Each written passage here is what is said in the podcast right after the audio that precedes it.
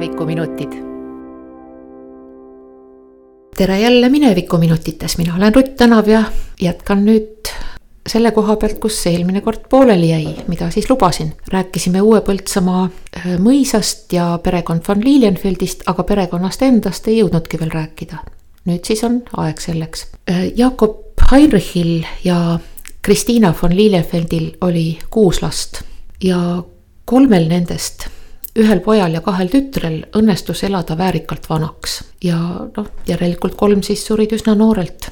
ja mõisa omanikuks jäi Karl Magnus ehk siis ainukene ellu jäänud poeg, ehkki räägiti legende pojast Peetrist, ilusast Lilienfeldist. lisaks sellele, et ta oli ilus, oli ta ka tugev, tema olnud nii tugev, et kunagi ei pidanud Lilienfeldide perekond päästma ära ühe ka aadlisoost ühe sugulase tütarlapse selle hooldaja käest ja, ja kuna siis seda hooldajat ennast ei olnud parasjagu kodus, kui noor Peeter Lilienfeld tüdruku sealt ära tõi, siis jättis ta nimekaardina fuajee lauale, nagu kombeks oli, murtud ahjuroobi, no L-täheks murtud, eks ole, et siis on näha, Lilienfeld käis siin.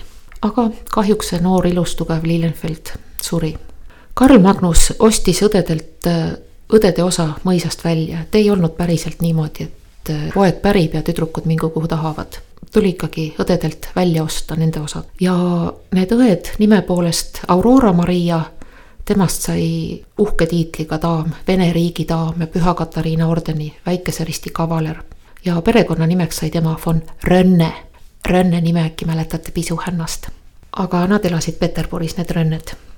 Äh, teine tütar, kes äh, vanemaks sai elada Kristiina Jakobina, tema oli Rannu mõisa omaniku Friedrich Wilhelm von Sieversiga abielus. aga Karl Magnus, temal oli ainult üks poeg, jällegi palju eesnimesid, Karl Reinhold Georg. ja sellel Karl Reinhold Georgil oli siis kolm poega, kellest said alguse kolm Lilienfeldide liini. Uue Põltsamaa oma, Geeni mõisa ja Albu mõisa oma ja no Albu mõis seob meid nüüd jällegi Tammsaarega, et, et Anton Hansen Tammsaare äh, isa ostis just nimelt ühe Lilienfeldi käest, Albu mõisa Lilienfeldi käest oma talu. aga Uue-Põltsamaale jäi siis äh, Eduard äh, Karl Baltasaar, tema elas tuhande üheksasaja kolmanda aastani, nii et siin nagu ajas ka natukene orienteeruda, et mis aastatest me parasjagu räägime. ja tema poegade kohta on põltsamaalastelt mälestusi üles kirjutatud. et nimelt oli sellel Eduardil ja tema abikaasal Wilhelmine Elizabeth Sofiel kokku kümme last, kaheksa poega ja kaks tütart. ja noh, kuna tütreid oli vähem, siis tütartest kohe kiiresti saab ära öelda, et tütar Jenny abiellus Pajusi von Vaaliga ja tütar Wilhelmine, tema tee viis märksa kaugemale, temast sai von Zoimern ja von Zoimernite perekonnast äh, saadud käsikirjaliste kirjade koopiaid on meil siis ka muuseumis olnud ja neid ma olen kasutanud Lilienfeldidest kirjutamisel ja rääkimisel. ja noh, aeg-ajalt ma küll hindan mõningaid asju nii isiklikuks, et kõigest ma ei räägi et pigem rohkem positiivsest ja nagu juba kuulsite, Karli nimi käis muudkui ette ja taha, et perekonnas oligi peaaegu kõikidel poegadel üheks nimeks Karl. no kõiki kindlasti Karliks ei nimetatud, ühte küll ja see oli rahvamälus vaene vend ehk sauna Karla. et siin jutt käib nüüd tuhat üheksasada viis ja, ja sellistest aastatest ja tuhande üheksasaja viies aasta oligi see põhjus, miks teda vaeseks vennaks ja sauna Karlaks kutsuti.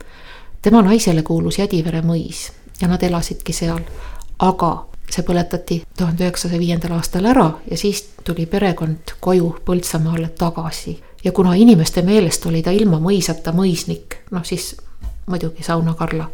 ta elas valitseja majas oma perega ja lõpuks, kui mõisad olid võõrandatud, siis Raatlehvi majas, no Raatlehvi majadega nii, et Raatlehvi maju on meil kahesuguseid. ühed Raatlehvi majad olid äh, paremkaldal, Lossi tänava ääres selle vana sauna vastas seal kurvi sees, kus nüüd on muruplats. ja teised Raatlehvi majad on täpselt teisel pool jõge, on siis üks suur, suur pikk maja. jah, aga vendadega siis niimoodi, et, et kõigist neist paljudest poegadest Põltsamaal ongi juttu kõige noorematest, et siis see Sauna-Karla, kellest nüüd on ära räägitud, siis kõige-kõige noorem vend Herman, tema abiellus hiljem Münchenis, nii et tema ja tema abikaasa pilte on ka olemas aga Põltsamaa mõisa päris omanikuks jäi Friedrich ja selle Friedrichi kohta Camilla von Stackelberg kirjutab kahest kõhnukesest ja väikesekasvulisest vennast. jutt käib siis Karlist ja Friedrichist. no Friedrichi hüüdnimi on Fritz. Äh, Friedrichit peeti väga harituks ja tema häärber oli täis valitud kunstiesemeid. sellest kirjutab veel Arnold Hinnom, see on nüüd juba Vabadussõja teema tegelikult. Et äh, Vabadussõja ajal oldi Uue-Põltsamaa mõisas korteris ja siis äh, Hinnom kirjeldab natukene, kuidas see mõis oli ja kuidas mõisnik oli. ja ka Friedrich Lilienfeld äh, käis kahekümnendatel aastatel kohut, et osa hooneid linnalt tagasi saada. mõisa häärber sai keskkooli kätte, gümnaasiumi ja, ja hiljem keskkooli kätte ja siis uuesti jälle gümnaasiumi, nii et nimede muutused koolil. Ja, ja siis Friedrich Lilienfeld ise elas oma ühes uhkemas üürimajas, mida ka praegu enam ei ole üldse. see on siis rivaali kohviku vastas oleva platsi peal olnud. Ja meie jaoks tähtsuselt pigem linnavalitsus, aga ta oligi suur ja uhke puumaja, võeti linnavalitsuseks, aga Friedrich Lilienfeldile jäi sealt siis korter. Ja tuhande üheksasaja kolmekümne üheksandal aastal koliti Saksamaale ja talviti elas Friedrich enne ka Saksamaal, ikkagi pehmem kliima ja niimoodi, et ega ta ei olnud ka kogu aeg siin. aga selle perekonna kümnest lapsest vanuselt seitsmes, Karl Eduard abiellus äh, väga kuulsa perekonna esindajaga, Löövis of Menarite ehk siis silmukuninga tütre Sofie von Löövis of Menariga, kes oli mitme mõisa pärijanna aga nemad jäid siis äh, elama Põlva kanti Peri mõisa ja just nende Peri mõisast pärit ja kolmekümne üheksandal aastal Saksamaale läinud perekonna Lilienfeldidega ongi meil olnud äh, aastaid rohkem suhtlemist. peretütar Dagmar käis kahekümne esimese aasta ehk siis käesoleva aasta suvelgi oma perekonnaga Eestis. käisime, vaatasime, mis seisus mõis parasjagu on, käisime, vaatasime perekonna kalmistut. Roosiaias nagu alati nendega ja noh, lossi vaatasime ka. Uue-Põltsamaa mõisaga on nende perel seotud nostalgia. Nad ütlevad ikka, et mõelda vaid, et kunagi oli siin nende pere kodu ja, et siin õuel jooksis kaksteist last ringi ja natukene ka Lilienfeldide kalmistust. kõige esimene Lilienfeld, see, kellest kõige rohkem rääkisime, Jakob Heinrich. tema suri Riias tuhande seitsmesaja kaheksakümne viiendal aastal. Noh, eks alguses sai kujutletud, et noh, kus inimene sureb, sinna ta ka maetakse, aga päriselt ei olnud see nii isegi mitte kaheksateistkümnendal sajandil. ei ole küll leidnud ühtegi dokumenti ega kirjutust, mis tema matmiskohta täpsustaks, aga Põltsamaal Jõgeva maantee kalmistu nurgas on Lilienfeldide kabel ja perekonna kalmistu. ja, ja arvaks, et ta ikkagi peaks olema maetud ka sellel Lilienfeldide kalmistul. see kalmistu oli äh, jagatud Lilienfeldide perekonna harude vahel, nii et äh, neid siin sai nimetatud Geeni ja Albu, siis Uue-Põltsamaa, aga on veel üks Lilienfeldide haru on äh, saksakeelse nimega Lilienfeld-Toal ehk siis Tuhala Lilienfeldid et need kõik olid siin maetud, aga praegu on seal ainult üks kivi ja seegi on pikali, noh, võib-olla sellepärast seisabki hästi alles, et on pikali ja maapinnaga tasa. ja on olnud üks leinava naisterahva marmorkuju, on olnud Karl Magnus von Lilienfeldi hauamonument, sellest on fotosid, on raamatutes ka ilmutatud. Ja see tingliku nimega Leina Vingel, see on sattunud Põlva kirikusse, nii et see on olemas, aga et kui keegi satub Põlva kirikusse, siis see on seal. ja mida me ei olnud ka näinud ja ei teadnud midagi sellest Lilienfeldide kabeli tornikiivrist, praegu on nii, eks ole, et kivist torn on olemas, on selge, et see on torniga kabel. aga seda, seda kõige viimast, seda kuplit ehk tornikiivrit, see ju võeti maha tuhande üheksasaja kuueteistkümnendal aastal ja noh, kõigepealt äh, leidsin äh, muinsuskaitseameti leheküljelt ehk siis see muinaspunktregister, sealt joonistuse, pliiatsi joonistuse, kus on tornikiiver. aga Anne Ütt leidis hiljem ka foto, kus on see tornikiiver olemas, nii et jällegi Facebook ja põnev Põltsamaa vanadel fotodel ja on võimalik näha, mismoodi välja nägi. ja sellega saaks lõpetada ka Uue Põltsamaa mõisa teema ja vaadelda edasi ülejäänud mõisaid, mis Põltsamaa kihelkonnas on olnud ja nende perekondi. kõige suurema, uhkema ja ka ajaloos kõige tähtsamana tuleb nimetada Võisiku mõisat. see on nüüd äh, administratiivselt natukene, natukene teistmoodi küll, Võisiku mõis tegelikult kuulub ju Kolga-Jaani kihelkonda kuni seitsmeteistkümnenda sajandi kolmekümnendateni oli Põltsamaa kihelkond väga-väga suur. ja siis äh, eraldati Põltsamaa kihelkonnast Kolga-Jaani kihelkond ja Pilistvere kihelkond ja olen lugenud ka kusagilt, et Kursi kihelkond. Et nagu oleks Kursi kihelkond või vähemalt osa sellest kuulunud Põltsamaa kihelkonda. aga noh, Kursi ei ole praegu teema. Võisiku mõis, mis on siis Kolga-Jaani kihelkonnas, ehkki ta asub Põltsamaalt ju vaid kolme-nelja kilomeetri kaugusel. nii et igatahes suhtlemist Võisiku mõisa perekonnal oli eelkõige Põltsamaaga ja pärit olid nad ju ka Põltsamaa lossist. ja nii nagu Uue Põltsamaa esimene Lilienfeld, nii ka Võisiku mõisa perekonnas on olnud üliarenenud vastutustunne oma riigi arengu ja hea käekäigu eest Karl von Bock kirjutab, kui mul ei ole võimalik teenida isamaad, siis milleks üldse elada? see Karl von Bock äh, oli kuulsa keisri hullu ehk Timoteus Eberhard von Bocki noorim vend. Kuidas aga Bockid sinna võisikule sattusid? noh, loomulikult tuli see nimi sinna abiellumise tõttu. aga kuidas oli algus? algus oli ikkagi jälle Põltsamaa lossiomaniku Heinrich Ficki päranduses ja selle jagamises. Võisiku mõis mis oli üks suuremaid Liivimaal. no ta ulatas siit Põltsamaa külje alt Võrtsjärveni ju välja. Selles oli olnud ligi kaks tuhat viissada elanikku, see on üle poole Kolga-Jaani kihelkonnast, toonasest. Üle üheksateistkümne tuhande hektari maad. mõnevõrra hiljem loendati hooned kokku, mõisa keskuses Võisikul olnud viiskümmend kaks, aga eemal peeglivabrikus ja mujal veel kuuskümmend seitse hoonet ja pärandisse kuulus eraldi nimetusega Soosaare mõis. muidu Suusiku oli, oli ka veel siis nagu kõrvalmõisana, aga Soosaare oli täiesti eraldi iseseisva mõisana. aga samas päranduses. Võisiku mõina, mõisa esmamainimine kirjasõnas oli aastal tuhat viissada viiskümmend kaheksa, aga noh, see ei ole midagi erilist nii, aga selle Võisiku mõisa sai endale Heinrich Ficki vanim tütar Sofia Elizabeth von Schulze. aga enne kui Sofia Elizabethist sai von Schulze seitsmeteistaastasena, aastal tuhat seitsesada kakskümmend kaks oli ta äh, Moskvas sünnitanud tütre Helene, kelle isaks oli perekonna pärimuse järgi Peeter Esimene ehk siis riigivalitseja, imperaator ise. ja selle kohta, noh need andmed pärinevad põhiliselt Malle Salupere raamatust Tõed ja tõdemused. tema Äh, on uurinud Venemaal palju kindlasti arhiivimaterjale ja kirjutanud ja see raamat, see ilmus ligikaudu aastal kaks tuhat. On olemas Põltsamaa muuseumi kogus. aga kindlasti ka mujal ja on täiesti eesti keeles, need kõik võivad ise lugeda. tõed ja tõdemused, Malle Salupere. niisiis, Võisiku mõisas on järelikult elanud kuulsa keisri enda järeltulijad. kui Sofia Võisikule asus, siis ta oli juba lesk tema abikaasa Wilhelm Schulze äh, suri teel Siberisse. No sellest oli ka varem juttu, Heinrich Fick koos kahe väimehega saadeti Siberisse. see oli siis keisrinna Anna Ivanovna, kes nad sinna küüditas. jah, ja just see, see Schulze, see esimene väimes, see siis suri.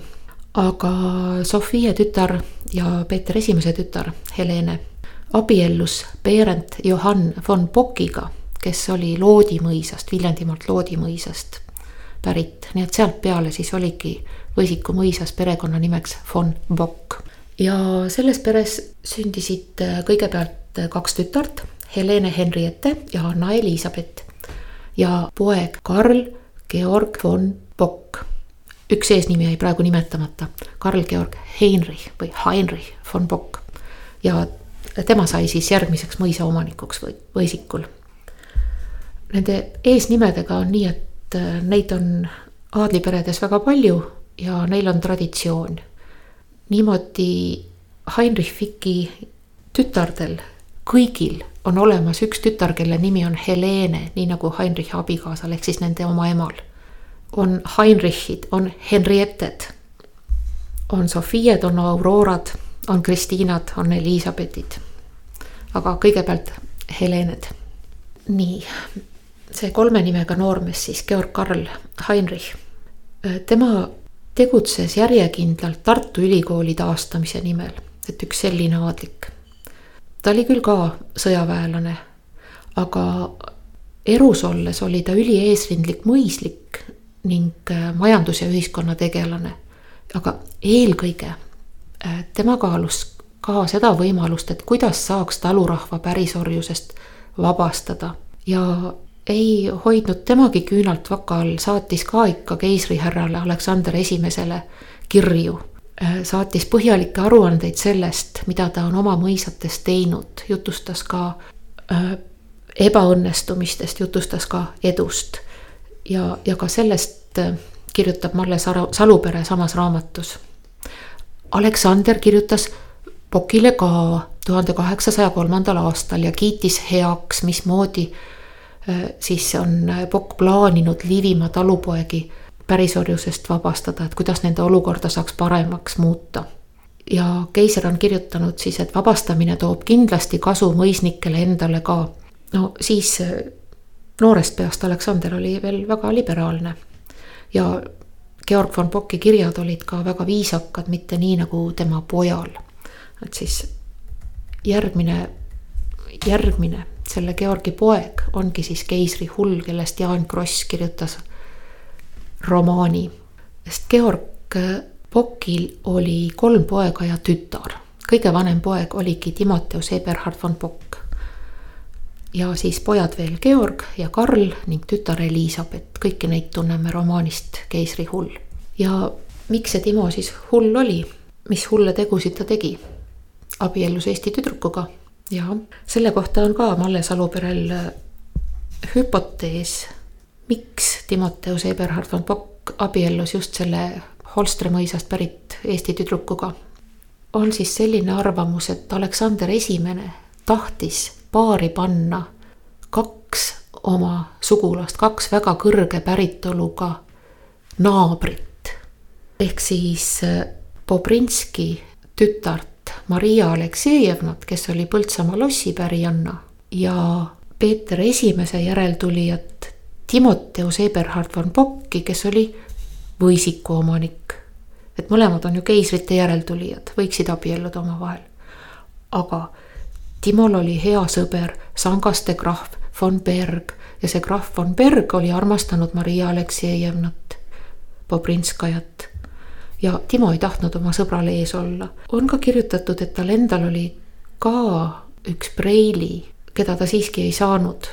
aga et siis mitte, mitte olla oma sõbral Bergil ees, abielluski Eesti tüdrukuga. aga krahv von Bergi ema oli niivõrd seisuse uhke daam, et tema ei lubanud venelasega abielluda ja, ja siis läkski niimoodi, et Maria Aleksejevna abiellus väga tähtsa bojaarisugu vürst Gagariniga ja selle abielu eestlasega, see võis küll tähendada naabrite jaoks, et tegemist on hullu inimesega, kuid see ei viinud Timoteust kahtlemata veel mitte vanglasse. vaid siin on küsimus nüüd juba kirjades, mida Timoteus Aleksandrile saatis. nii et kui tema isa saatis viisakaid kirju ja noor Aleksander mõistis ja kiitis heaks, siis Timoteuse kirjad olid märksa radikaalsemad. põhimõtteliselt pakkus ta Venemaale konstitu-, konstitutsiooni projekti et teha Venemaast konstitutsiooniline monarhia. ja nii siis oli, et Timoteus võeti kinni, viidi Schlüsselburgi, hoiti teda seal üheksa aastat vangis. siis kuulutati ta hulluks ja saadeti Võisikule tagasi, kus olid veel mõned aastad, mõned aastad elamist ja, ja põhimõtteliselt ei ole päris selge, kas ta ikka lasi ennast ise maha või on nii, nagu seda keisrihullus vihjatakse nii siis romaanis kui ka nendes näidendites, instseneeringutes, lavastustes. et seal võis olla ikkagi üks, üks teine käsi, kes päästikule vajutas. Timol ja Eeval oli ainult üks poeg. tema karjääri, tema isa tegevus, niinimetatud hullus, siiski ära ei rikkunud. ta võeti kümneaastasena Peterburi merekorpusse ja temast sai seal Mitchman ja, aga see ei olnud tema karjääri lagi sugugi. tast sai isegi viitseadmiral ja ta õpetas isegi suurvürste, isegi hilisemat äh, keisrit, imperaator Aleksander Kolmandat, ta oli nende hofmeister. ja kuskohast saaks veel lugeda lisaks keisrihullule perekonna kohta? no tegelikult on veel üks allikas, mida aina täiendatakse ja noh, kuivõrd usaldusväärne. Noh, sõltub, kes on lisanud need andmed. isegi genis on olemas meie mõisnike perekonnad Vikipeedias muidugi, igasugused muud Google'i võimalused. aga siis äh, keisrihullu kohta, kui Tartus taas seda lavastati, siis äh, David Vseviov äh, rääkis näitlejatele, aga ka avalikkusele, kes tahtis kuulama minna kahe tuhande kaheksateistkümnendal aastal ja no ma käisin seda ise ka kuulamas ja taas jälle väike, väike konspekt sündis. nii, aga mis sai Võisikust edasi pärast Timoteust? nagu raamatust mäletame, oli siis äh, Timo õe perekond, Manteufelid, järgmised omanikud, ehk siis Elizabeth Helene Sofie von Bock abielus Peeter Otto Zoege von Manteufeliga. Äh, no raamatu järgi Manteufel oli väga paha inimene. päriselus võib-olla ei olnud, ta oli isegi helilooja, heliloojad ei saa ju pahad inimesed olla ja nende tütar Emma abiellus äh, Samson von Himmelsterna perekonda, kuid oli lasteta. ja emma järel oli tegemist naisliinist pärimisega ja selle tõttu ilmus Võisikule Fontsur Müüleni perekonnanimi. nii et viimased omanikud Võisikul Fontsur Müülenid ja viimane oli eesnime poolest Leo. Ja veel üks allikas, mida ka võib-olla kõigil ei ole nii hästi kätte saada, aga aga ikka sellist mõisate pärandumist, kellele millal kuulus, kes, kelle laps kellega abielus, kes pantis, kes rentis, on siis ikkagi von Strücki Beiträge zur Geschichte der Rittergüter Estlands. midagi ka mõisa hoonest ja teistest majadest. Mõisa ühekorruseline peahoone ehitati tuhande seitsmesaja viiekümnendal, kuuekümnendal aastatel. üht-teist on säilinud ka kõrvalhoonetest kõige põnevamad nendest on kolme kaaravaga kaaristutega pesuköök ja sepikoda. ja no Paisjärv on, eks ole, sealsamas, sellest on räägitud, et seal Paisjärve põhjas on suur malelaud, millel elus malenditega mängida saab, noh kui vesi alla lasta. Ja Võisiku mõisa puhul äh, tuleb rääkida natuke ka klaasitööstustest. kui Põltsamaal tuhat seitsesada kaheksakümmend kuus oli pankrot ja härra Voldemar von Lau ettevõtmistega kõik ühel pool, siis äh, hiljem viidi need Põltsamaa ja Kamari klaasitööstuste, peeglitööstuste seadmed üle Rõikale ja Meleskisse. see oli siis Võisiku mõisale kuuluvatele aladele ja need said äh, saksakeelsed nimed jällegi äh, pere naisliikmete järgi Katariina Liseta. et Rõika Meleski oli siis saksa keeles Katariina Liseta. ja äh, Timo isa Georg ja, ja selle Georgi äi ehk siis Timo vanaisa nime poolest Rautenfeld olid selle firma omanikud koos Amelungiga. no Amelunge oli mitu põlvkonda ja nendest vabrikutest võib siis Põltsamaa ajaloovihikust number üks lugeda. jääb veel natuke natukene meenutada, kuhu on perekond maetud, see on siis Kundrussaare kalmistu. kui ei oleks Paisjärve ees, siis läheks sinna mõisa Häärbergi peauksest otse tee. aga noh, see tee peab siis tegema kaare ümber Paisjärve. ja kui puud on parasjagu raagus, siis on näha ka mõisa peatrepilt otse kalmistu väravasse. ja tuleb tõesti olla südamest tänulik kohalike elanikele ning meenutada eriti hea sõnaga Lonida Bergmanni, et see kalmistu on, on nii kenasti korras, nagu ta on. suhteliselt lõpus veel sai kirja pandud telefoni teel Lonida mälestustest, et kuidas, kuidas oli kopaga silutud seda kalmistut ja et need kivid ja ristid ja et, et kuhu need lükati, et, et Timo ja Eeva ehk siis ristinimega Katariina von Bock. et ega nad ei ole üldse maetud seal kohas, kuhu kivi pärast pandi, et tegelikult nad on ikka seal kõrgemal, kuskil keskel pool. aga noh, on nii, nagu praegu on. käisime nüüd korraks Põltsamaa lähedal Kolga-Jaani kihelkonnas, aga tuleme tagasi Põltsamaa kihelkonda ning on veel rääkida mõningatest mõisatest mis põhiliselt on seotud perekond von Vaali nimega. kõigepealt Pajusi mõis.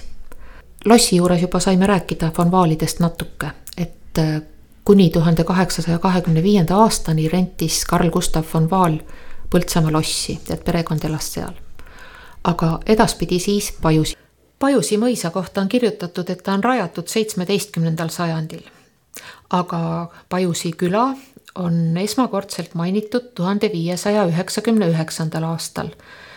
see on siis kaudse allika järgi niimoodi, sellest on juttu teoses Eesti pargid esimene. rahva pärimuse järgi tuleneb Pajusi nimi sellest, et Põltsamaa jõe soistel kallastel, seal kohas, kus see Pajusi asub, on kasvanud alati palju pajusid. tuhande kuuesaja kaheksakümne teisel aastal, kui Rootsi riik Äh, viis läbi mõisate reduktsiooni ehk siis riigile tagasivõtmise, siis tehti ka põhjalik inventuur ja selle inventuuri järgi on Pajusi mõisa härrastamaja kehvas seisus. aga see ei olnud siis mitte see, mis praegu olemas on. praegune häärber äh, ehitati tõenäoliselt tuhande kaheksasaja kahekümnendatel aastatel just nimelt see Carl Gustav von Vaal, et tema on sellega seotud. ja miks me nii arvame jällegi natuke kaudsed allikad, sest et äh, Vaalide poeg Gottlieb ehk siis nagu paralleelnimega Bogdan sündis tuhat kaheksasada kakskümmend üks veel Põltsamaa lossis, aga Eduard von Vaali tütar Maria Wilhelmine tuhande üheksasaja kahe, vabandust, tuhande kaheksasaja kahekümne üheksandal aastal Pajusi mõisas, nii et, et selle vahe sees peab olema kolimine. Need mõisad võeti muidugi tuhande üheksasaja kahekümnenda aasta maareformiga mõisnikelt kõigilt ära ja nii nagu paljudesse teistessegi mõisa südametesse, eh, niimoodi plaaniti ka Pajusisse asutada põllutöökooli. ja niimoodi seisis ta kasutuseta ju kümmekond aastat või noh, ütleme mingi kindlama eesmärgita, ootel. Eh, aga tuhande üheksasaja kolmekümne teisel aastal eh, saadi aru, et neid põllutöökoole, et noh, neid on juba päris palju ja õpilasi ei jätku ka ja ei, kooli ei tule. siis korraldati oksjon ja mõisa liikuv vara müüdi ja maad jagati soovijatele välja, et siis tekkisid alles Pajusisse asundustalud, et noh, asundustalud on siis see, kui on mitte just rehielamud, vaid natukene uuemad majad äh, suhteliselt ridamisi põldude peal. ja, ja need on just mõisasüdamete ümber. aga mis sai siis Pajusi härrastemajast? Selle hilisklassitsistliku hoone vasaktiib lammutati tuhande üheksasaja kolmekümne neljandal aastal. järele jäänud hoonesse asutati rahvamaja, mis kuulus ka riikliku rahvamajade võrku. pidudeks oli saanud seda häärberit kasutada juba tuhande üheksasaja kahekümnendatel aastatel, aga muidu Pajusi valla kohta äh, kirjutatakse ka nii, et põhiline pidude koht oli Lahavere seltsimaja, et äh, üks kohalik tubli ettevõtlik talumees ja muidu ühiskonnategelane ka, Nikolai Loss oli sinna Lahavere järve äärde ehitanud oma maa peale ise seltsimaja. noh, see on praeguseks täiesti lagunenud. mina olen lapsepõlves seda maja veel näinud. siis oli meil järv ka veel alles. aga mis siis Pajusis veel? Pajusi mõisapark Häärbergi ümber. see on istutatud üheksateistkümnendal sajandil endisele põllumaale ja allee, mis viib mõisast Adavere poole, see olevat istutatud Carl Gustav von Vaali ehk siis kõige esimese von Vaali ajal. no tema panustas oma mõisate kaunistamisse ja istutas alleesid nii Pajusis Kavastus kui Põltsamaal. Kavastus oli tal ka puukool, sealt kinkis ta istikuid Tartu linnale Toomemäele istutamiseks. Ja peaaegu kõik mida ma perekond von Vaali kohta tean, on loetud äh, Lustivere haru järeltulijate Eena von Harpe ja Dieter von Vaali koostatud äh, raamatust Erlebtes Livland, Die Familie von Vaal ja nüüd ütlen aastaarvud eesti keeles tuhat seitsesada üheksakümmend viis kuni tuhat üheksasada üheksakümmend kolm. see raamat on ilmunud tuhande üheksasaja üheksakümne viiendal aastal Saksamaal, nii et äh, selles mõttes on ta, käsitleb perekonna saatust praktiliselt kuni raamatu väljaandmise ajani. Neid on võimalik ise kenasti vaatama minna. Äh, mõisa juurde kuulusid ka kõrval ja karjamõisad, no nendel on olemas paralleelselt nii eesti kui saksakeelsed nimed. karjamõisateks oli luige, saksa keeles luik, nurga ehk Friedrichshof. luigel on ka, luige lähistel on ka Marienhofi nimi esineb kaardil. siis on veel Wilhelminenhof, Eduard Hof, vabriku ja lõpuks veel Karlsvald osa nimedest on pärit pereliikmetelt, kes siis elasid tuhande kaheksasaja kahekümnendatel, kolmekümnendatel aastatel. aga Friedrichi nime ma ei ole perekonnast leidnud. ja kogu selle Pajusi mõisa kogupindala on olnud ligi kümme tuhat hektarit ning mõisa Häärberist Pisisaare poole poolteist kilomeetrit asub tee ääres selline armas, sümpaatne von Vaalide perekonna kalmistu, mida on kahtlemata ka vahepeal lagastatud. isegi on sealt äh, hakatud servast kruusa võtma. aga hiljem on teda taastatud, ta on praegu väga kenas korras ja väärib vaatamist ja, ja von Vaali perekonnaliikmed külastavad Põltsamaa piirkonda ka üpriski sageli ja noh, vähemalt osad meist teavad, et neil on perekondlikke seoseidki praegu Põltsamaal. mõisa omanikeks on siis olnud pärast seda, kui ta Vana-Põltsamaa mõisast eraldati, ehk siis äh, jällegi tuleme tagasi Katariina esimese aega, pärast äh, Peeter Esimese surma, siis Katariina võttis Heinrich Fickilt ka Pajusi mõisa ära ning annetas tuhande seitsmesaja kahekümne viiendal aastal kindralmajor Ivan Biibikovile.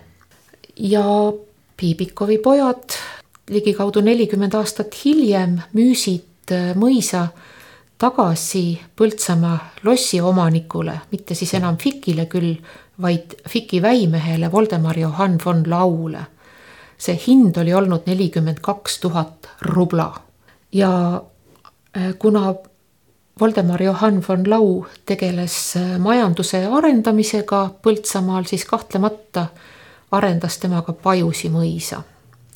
aga tuhande seitsmesaja üheksakümne neljandal aastal, selleks ajaks oli äh, Voldemar Lau surnud, oli olnud Põltsamaal pankrott ja Põltsamaa loss läks juba Bobrinskile, kuid Pajusi mõis äh, anti justkui tagasi Aleksandr Petrovitš Piibikovile.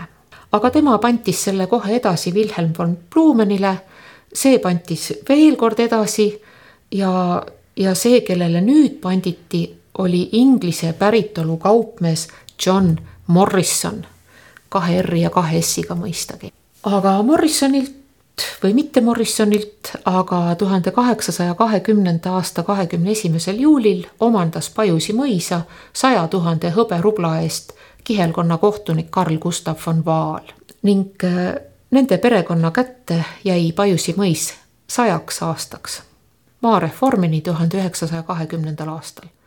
Äh, esimene, seesama Karl Gustav, tema oli tõesti üks tubli ja hakkaja inimene äh, ta oli õppinud Tartus Kreis koolis. üheksateistaastaselt oli hakanud oma isa juures mõisamajandust õppima. ta oli ka Riias ja Peterburis elanud, ta oli seal hankinud igasuguseid kogemusi ja tutvusi. ja Vene aadli matriklisse kanti tema nimi tuhande kaheksasaja kuueteistkümnendal aastal, et noh, varem on juttu olnud äh, mitte mõisa omanikest tema eelkäijate puhul, vaid noh, mõisavalitsejatest näiteks. ja võib-olla olekski see nüüd õige koht, kus ära rääkida, mis on mõisa omaniku ja mõisavalitseja erinevus. mõisaomanik on omanik, ta võib juhtida ise seda majandustegevust, mida mõisas arendatakse, aga ta võib ka palgata mõisale valitseja. valitseja on nagu tegevdirektor, umbes nii võiks öelda ja tavaliselt on siis mõisates niimoodi, et on härraste maja, see kõige suurem uhk, uhkem, kus elab mõisnik oma perekonnaga. Ja siis kusagil lähedal on tagasihoidlikum maja ja selles elab mõisavalitseja oma perekonnaga. mõisavalitseja on palgaline töötaja, palgaline tegevjuht. ja neid läheb vaja ka, sest paljudele mõisnikele kuulus palju mõisaid ühe korraga või nad rentisid veel mõisaid endale juurde. Karl Gustav nimelt äh, kõigepealt äh, rentis endale ühe mõisa, mille nimega ma ei hakka teid vaevama, Lätis, Viitsemes ehk siis Põhja-Lätis. siis rentis ta Laiuse lossi, elas seal koos ema ja vennaga, kahe vennaga. Soodaga mõis, siis Põltsamaa loss, siis võttis ta oma peresse õe viis orvuks jäänud last ja siis aitas tema Tartu linna. tema nimi on seotud kaheksa majaga Tartus tal oli Tartus ülikooli vastas ostetud maja, et lapsed saaksid koolis käia mugavalt. koos Tartu ümbruse mõisnikega arendati, aidati Tartu linna, ehitati poode, kõrtse, maju. mis siis Karl Gustav edasi tegi, siis ostis ta Kaave mõisa, see on siis äh, niimoodi, et jäi napilt Jõgeva valda, muidu Pajusi vallas ta oli enne küll, Jõgeva tee ääres. Kõpu küla, Tapiku, Kavastu, rentis Soodaga mõisa rentis Kirumpää, see on siis Võru juures, Väike-Konguta, Laius-Tähkvere. perekonna pärimuse järgi oli Karl Gustav pidevalt Tõlla ja Saaniga sõidus, et oma kaheksat renditud ja nelja isiklikku mõisa majandada. nii et siis valitsejad pidid iga päev tööd juhtima, aga, aga tema ikka lendas ise ka oma mõisate vahet pidevalt, et kontrollida, mis toimub. Karl Gustav üritas kalana ilusat marmoritaolist ja tundub, et äh, jätkame nii, nagu traditsioon kujunema hakkab, et äh, räägime kõigepealt ühest inimesest pikalt ja siis tema perekonnast ja mõisatest järgmises saates jälle edasi.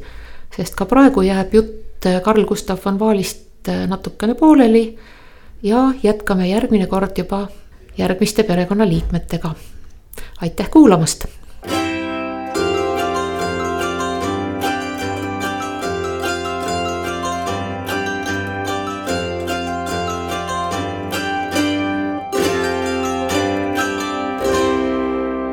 minevikuminutid